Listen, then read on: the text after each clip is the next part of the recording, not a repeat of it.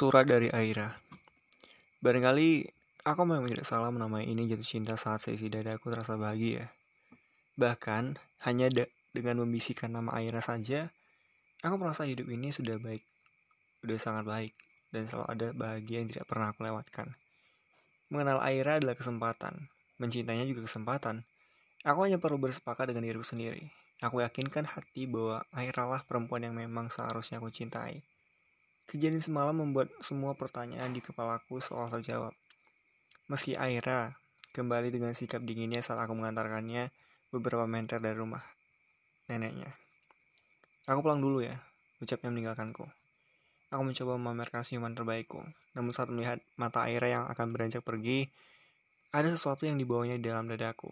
Entahlah, mungkin hanya perasaanku saja, semacam firasat yang aku sendiri tidak mengerti. Sampai ketemu lagi, Ai. Semoga Gi, ucapnya. Lalu pergi meninggalkanku. Aku kembali ke tempat kos dengan perasaan yang beradu. Senang, iya aku senang. Aku bahagia meski saat menatap mata Aira sebelum masuk rumah neneknya, ada perasaan sedih tiba-tiba yang menyeruak di dadaku. Tumben bawa makanan pulang, Rani menyambar sekotak roti bakar yang kubeli sebelum sampai di tempat kos. Biasanya juga bawa makanan kan, timpalku. Ya nggak biasa, ya nggak biasa aja sih. Biasanya yang bawa makanan kan Kaila. Rani menyebut nama orang yang sebenarnya sudah tidak begitu berpengaruh lagi dalam hatiku. Namun tetap saja, saat Rani menyebut nama Kaila, aku hanya bisa terus hambar. Karena memang sering membawa makanan ke tempat kami sewaktu dia jadi kasihku. Dua lelaki itulah yang sering menggoda Kaila ketika ingin datang dan menemani aku mengerjakan tugas di tempat kos. Masa belajar bareng tanpa makanan kan kurang asyik ya. Kalimat pancingan dari Randy itu berhasil membuat Kayla tidak pernah absen membawa makanan. Sudahlah, tidak perlu ingat Kayla. Terus sekarang ada hati baru yang sudah membuat hidupku kembali terasa lebih baik. Aira, dia perempuan yang kini menempati urutan pertama di hatiku. Aku seperti remaja yang sedang kasmaran lagi, kadang geli sendiri kalau membayangkan bagaimana sikapnya sedang jatuh cinta begini. Kau kenapa senyum-senyum sendiri? Randy membiarkan lamunanku. Tahu tuh, aneh, sama Andre. Saat kemudian kembali sibuk dengan laptopnya. Aku tidak menanggapi perkataan sahabatku. Itu. Sebelum akhirnya aku meninggalkan mereka di ruang depan. Aku masuk kamar, lalu mengambil ponsel, mencoba mengetik beberapa kalimat yang rasanya pas untuk Aira. Namun kemudian aku hapus lagi. Entahlah, aku hanya ingin menemani, ingin menikmati perasaanku kepada Aira malam ini. Biarlah bulir-bulir bahagia ini semakin meledak di dadaku. Kelak akan meletup lembut di antara tubuhku dan tubuh Aira. Akan ada masa ketika aku dan Aira akan menikmati jatuh cinta tanpa harus memendam seperti ini. Aku berharap begitu. Malam semakin larut. Tubuhku pun terasa sangat lelah. Jatuh cinta hanya mampu membuatku terjaga sampai pukul 11 malam setelah seharian berkeliling kota Padang bersama Aira. Aku mengambil gelang yang dibelikan Aira tadi siang, Benda itu bahkan terasa sangat berharga kini. Momen dan kenangan yang ada pada gelang ini akan menjadi kebahagiaan sendiri saat aku memakainya. Bukan karena bentuknya, melainkan karena siapa yang memberikannya. Itulah hal yang membuat barang menjadi lebih memiliki kenangan. Aku menutup mata, menikmati bahagia ini sampai aku terlelap.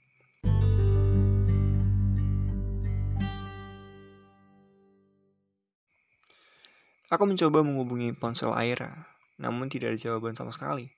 Bahkan ponselnya pun sudah tidak aktif. Tiba-tiba hujan turun pagi ini, saat aku hendak berangkat ke kampus. Hari ini aku harus ke perpustakaan untuk melengkapi revisi skripsiku. Aku memutuskan untuk menunggu hujan reda. Randy baru saja bangun. Hari ini dia memang kuliah siang. Jadwal kuliah sengaja kami pajang di dinding ruang tengah. Maksudnya adalah untuk mengingatkan siapa yang lupa dan malas masuk kuliah. Sementara Andre, dia sudah berangkat saat aku baru hendak mandi. Dia sudah menyelesaikan draft akhir skripsinya. Ya, bulan depan Andre akan wisuda.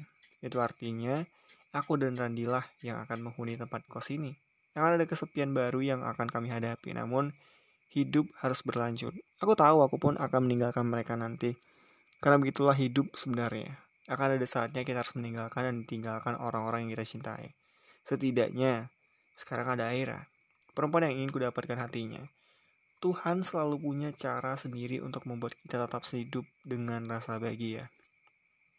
Bahkan, dari hal-hal yang tidak pernah kita duga sebelumnya. Meski Tuhan juga tidak jarang memberikan kejutan bahwa kesepian dan kegembiraan itu hanya datang seperti hujan, datang bersama-sama. Hanya saja terkadang kita ditimpa hujan bahagia dan orang lain ditimpa hujan sedih. Begitulah akan berputar terus-menerus. Hujannya udah reda tuh, berani menepuk bahuku, yang dari tadi membaca buku di kursi. Aku tidak sadar kalau hujan sudah reda. Aku langsung berangkat meninggalkan tempat kos. Sampai di perpustakaan sudah agak siang, hanya beberapa menit, jam istirahat siang udah datang. Kami buka lagi pukul 13.15 waktu Indonesia Barat ya. Suara petugas perpustakaan memberi isyarat untuk keluar. Khusus untuk ruang kumpulan skripsi ini memang memiliki jam istirahat karena petugasnya hanya satu orang. Sementara perpustakaan di ruangan buku umum memang tetap buka tanpa jam istirahat siang. Aku memilih untuk mencukupkan hari ini menuju kafe Uni Eva, memesan makanan seperti biasa lalu menikmatinya sendiri. Kali ini benar-benar sendiri. Tidak ada Putri, Randi, dan Andre. Tiba-tiba ada yang menusuk dadaku. Apa sebenarnya kita memang apa sebenarnya kita memang akan sendiri pada waktunya? Pertanyaan itu aku, tu aku tujukan kepada diriku sendiri. Jujur saja, saat ditinggal oleh Kayla aku tidak pernah merasa sesepi ini. Namun kali ini benar-benar sepi. Sahabat-sahabatku sedang mengejar impian masing-masing. Sejenak ingatanku kembali pada Aira. Sedang apa dia sekarang? Apa dia juga memikirkanku? Aku mencoba menelponnya, tapi lagi-lagi nomornya tidak aktif. Ke mana dia? Apa yang sedang dilakukannya? Pertanyaan itu seolah menggerogoti kepalaku.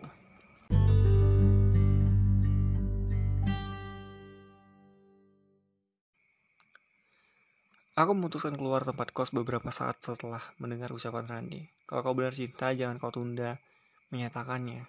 Aku datang ke rumah Nenek Aira. Ketika aku sampai di depan rumah itu, keadaan tampak sepi. Aira pernah bercerita dia hanya tinggal bertiga dengan nenek dan kakeknya yang seorang pensiunan tentara. Itu yang menjadi salah satu alasan Aira tidak membiarkanku mengantarnya sampai ke depan rumah. Juga seolah melarangku untuk datang ke rumah neneknya. Namun, malam ini rinduku sudah menumpuk. Aira yang, yang sulit dihubungi membuat perasaanku tak karuan. Akhirnya, aku sampai di depan pintu rumah itu. Kemudian disambut oleh nenek Aira. Aira ada, Nek? Tanyaku. Aira sedang tidak ada di rumah. Kamu Gian? Meski pernah bertemu, aku belum pernah memperkenalkan namaku kepada nenek Aira. Kami hanya bertemu sesaat saja waktu itu, saat aku mengantarkan Aira pulang malam yang hujan itu. Aku mengangguk. Sikap nenek Aira yang tampak sendu membuatku bertanya, apakah wajah orang tua memang sendu? Ini, titipan Aira buat Nagian. Dia menyerahkan selembar amplop berwarna putih kepadaku. Surat. Ada perasaan menyerang tidak enak tiba-tiba. Aku mengambil surat itu, menatap amplopnya, kemudian menerka apa isinya. Kulihat wajah nenek Aira seolah menyerahkan kesedihan. Surat itu kusimpan dalam saku, lalu pamit kepada nenek Aira. Aku memilih, aku memilih mengurung diri dalam kamar saat kembali ke tempat kos, membiarkan dua sahabatku bertanya-tanya. Aku mengambil surat yang tadi tak sabar ingin kubuka. Berharap ini hanya surat malu-malu Aira untuk menyatakan perasaannya. Untuk Gian. Halo Gi, kamu pasti kaget ya dapat surat dari aku. Baiklah, aku tidak ingin bercanda lebih banyak lagi. Aku tidak tahu apakah ini saat yang tepat atau tidak untuk mengirimkan surat kepadamu. Namun, aku rasa inilah saatnya aku harus menjelaskan semuanya. Ada hal-hal yang tidak bisa lagi kusembunyikan sendiri. G. Aku tidak tahu apakah ini bisa disebut cinta. Namun, satu hal yang aku rasakan Aku selalu berusaha untuk tidak terlihat jatuh cinta padamu, meski pada kenyataan saat aku sendiri, aku tidak aku tidak bisa memungkiri, aku merindukanmu. Kau tahu Gi, diam-diam, aku aku suka menatap bulu matamu yang lebat seperti ulat bulu itu. Aku pasti akan merindukan semua itu. Terima kasih untuk semuanya. Untuk perasaan-perasaan yang jatuh bersama hujan, untuk manisnya senja, untuk tatapanmu yang terpaksa kuelakan, aku benar-benar tidak sanggup menatapmu, juga pada obrolan-obrolan kita. Sejak beberapa tahun lalu aku memimpikan untuk kuliah di Jepang. Aku berusaha sepenuh hati untuk mendapatkan beasiswa ke sana. Dan saat aku mendapatkan impian itu, aku bertemu denganmu, yang harus kuakui membuatku jatuh hati. Meski selama ini aku harus bersikap tak acuh kepadamu, aku hanya tidak ingin membuatmu terluka. Maaf, jika ini membuatmu kaget, semuanya seolah mendadak. Tapi aku sudah menyiapkan ini sejak lama. Salah satu alasan kenapa aku tidak bisa membuka diri sepenuhnya terhadapmu, sebab aku takut. Perasaan ini bisa merusak semua impianku. Aku takut terluka, Gi. Gi, saat kamu membaca surat ini mungkin aku sudah di Sendaisi, oh Aoba, atau mungkin sedang di kampusku, Tohoku University Japan. Tahun ini adalah semester pertamaku. Di sini tidak akan ada senja seperti di panorama City Injau Lawi. Tidak ada kamu juga di sini, Gi. Tapi aku tidak akan pernah melupakanmu. Gi, sekali lagi maaf. Aku tidak mengabarimu lebih cepat. Maaf juga aku harus pergi tanpa pamit dulu kepadamu. Bukan karena aku ingin melukaimu, melainkan aku tidak sanggup menata matamu yang harus kutinggalkan. Jujur saja, aku masih melihat seseorang yang kau simpan di matamu. Meski kamu tidak menyatakannya kepadaku, aku bisa merasakannya, Gi. Namun perasaanku jauh lebih dalam dari semua yang kulihat di matamu. Itulah mengapa aku menulis surat ini. Aku jatuh hati kepadamu, namun aku terlalu pengecut untuk menerima risiko terluka olehmu. Gi, percayalah, apa pun yang kau simpan di matamu, aku tetaplah orang yang lemah untuk menolak kenyataan. Aku mencintaimu. Jika suatu hari nanti Tuhan tidak berkenan lagi mempertemukan kita, simpanlah semua yang pernah kau rasakan di hatimu. Aku akan selalu menyimpannya di hatiku. Maaf, sekali lagi jika surat ini membuatmu kecewa. Aira Darmawan Aku mengembuskan napasku pelan-pelan. Mengapa cintanya sakit ini? Saat aku menemukan orang yang kau yang aku cintai, pada saat yang sama waktu harus memisahkan kami. Pada saat aku tahu ternyata dia juga mencintaiku. Aku menyesali diriku yang tidak berani menyatakan perasaanku padanya. Bahwa aku ingin menjadi kekasihnya. Jarak tidak seharusnya menghalangi kami. Malam ini aku mencoba mencari cara agar aku tetap tenang. Namun aku kalah. Ternyata perasaan itu semakin tumbuh setelah membaca surat ini. Bahkan saat raganya kini semakin jauh dengan ragaku. Aku kemudian menelpon ibu. Biasanya aku akan bercerita kepada putri saat menghadapi situasi begini. Tapi hanya sesekali. Saat masalahnya kurasa sudah terlalu berat untuk kutanggung sendiri. Dengan bercerita kepada seseorang, kepada ibuku, aku merasa telah membagi sedikit bebanku. Di menit pertama, aku hanya bertanya kabar ibu, ayah, naga, dan Nagi. Namun belum sempat aku bercerita. Ibu sudah menembak duluan. Kamu pasti sedang sedih ya? Aku tidak punya pilihan lagi untuk membantah. Kuceritakan saja semuanya pada ibu tentang perasaan dan kebersamaanku selama ini dengan Aira tentang sikapnya yang kadang begitu hangat dan sewaktu-waktu bisa terasa asing, tentang kepergian dan isi surat yang terasa tiba-tiba. Dari balik telepon, ibu berkata bahwa dia sudah menduga, namun dia tetap meminta aku tenang. Dia benar mencintai mengucapnya. Bagaimana ibu tahu? Tanyaku. Nah, ibu ini perempuan. Seperti ibu mencintai ayahmu, ibu tidak ingin dia tersakiti. Ibu tidak ingin ayahmu merasa sedih. Ada jeda beberapa saat. Akhirnya tidak memberimu harapan kan?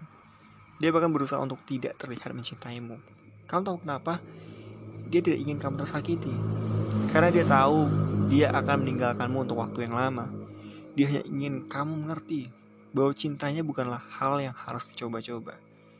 Aku tersenyum mendengar ucapan ibu malam itu. Aku mengerti bahwa cinta bukan untuk ditangisi, melainkan berjuanglah untuk cinta. Aku mengelap air mataku. Betapa cengengnya anakmu ini, Bu, batinku. Aku menutup telepon pada ibu. Selesai bercerita jangan lebar. Di, kau kenapa? Rani terlihat cemas. Gak apa-apa, Ran. Aku ini sahabatmu. Sudah bertahun-tahun. Kau kenapa? Aku tahu ada yang sedang gak baik di dirimu. Aira, Ran.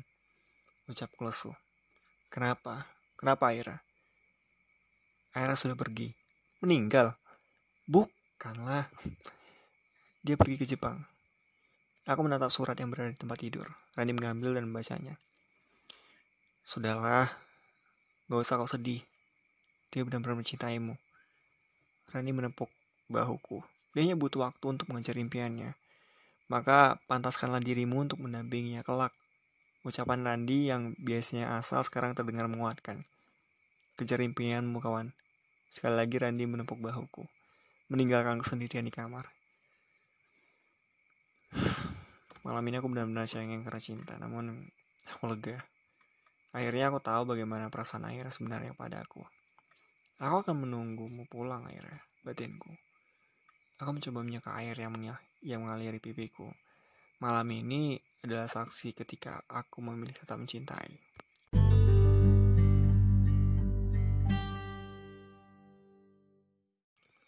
Beberapa hari berlalu, tetapi tiba-tiba aku seperti kehilangan semangatku.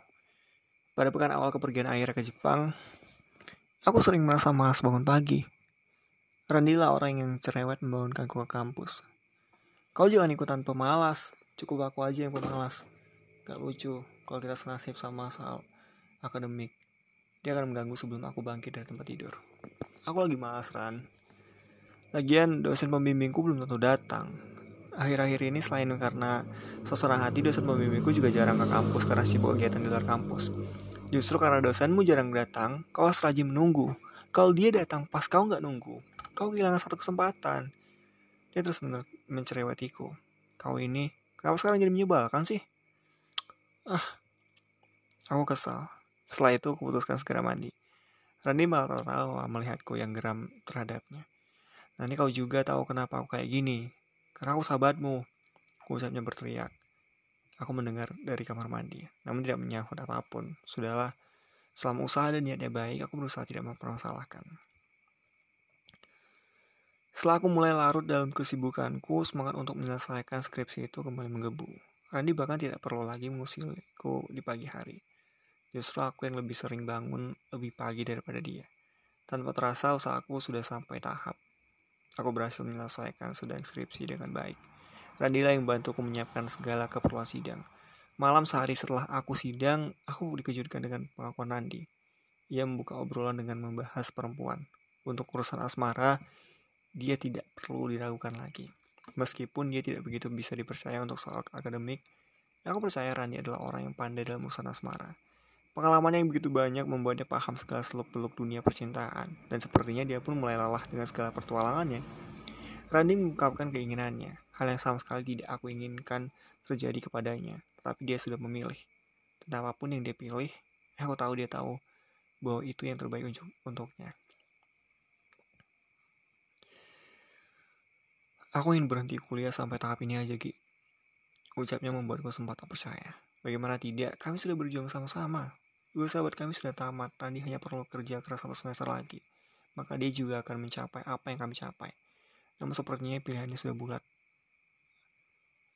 Aku ingin menikahi Kak Rani. Kak Rani? Tanya aku mendengar nama dengan panggilan Kak Rani. Ya, perempuan yang akhirnya membuatku merasa harus berhenti dengan semua ini. Dia perempuan yang aku cari selama ini. 10 tahun lebih tua dari umurku. Sudah punya anak satu. Maksudmu, dia janda anak satu? Aku benar-benar tidak percaya dengan apa yang dia katakan. Masih aku tahu Randi adalah laki yang gila untuk urusan perempuan. Mungkin semua tipe perempuan yang pernah dipacarinya, namun kenapa dia malah memilih untuk menikahi janda? Punya satu anak lagi. Dia bisa saja mendapatkan gadis yang bahkan jauh lebih muda daripada dirinya. Gi, kau harus tahu. Kita hanya butuh orang yang bisa membuat kita merasa seimbang. Dan aku merasa Rani adalah orang yang tepat. Selama ini, Aku hanya bermain-main dengan perempuan karena aku merasa nggak mereka nggak bisa diandalkan. Mereka bodoh. Tapi Kak Rani mengajarkanku banyak hal. Dia paham bagaimana menyimbangiku. Rani tersenyum. Aku tidak punya kalimat yang tepat lagi untuk membantah keinginannya. Lagi pula, aku mengerti kenapa dia memilih mencintai Rani. Pada perempuan itulah Rani menemukan tujuan hidup. Malam itu, aku mengerti bahwa cinta bukan perkara menemukan yang cantik dan yang terbaik, melainkan cinta perkara menemukan orang yang bisa berbagi dan saling menyimbangi. Akan ada saatnya kita harus meninggalkan dan ditinggalkan orang-orang yang kita cintai.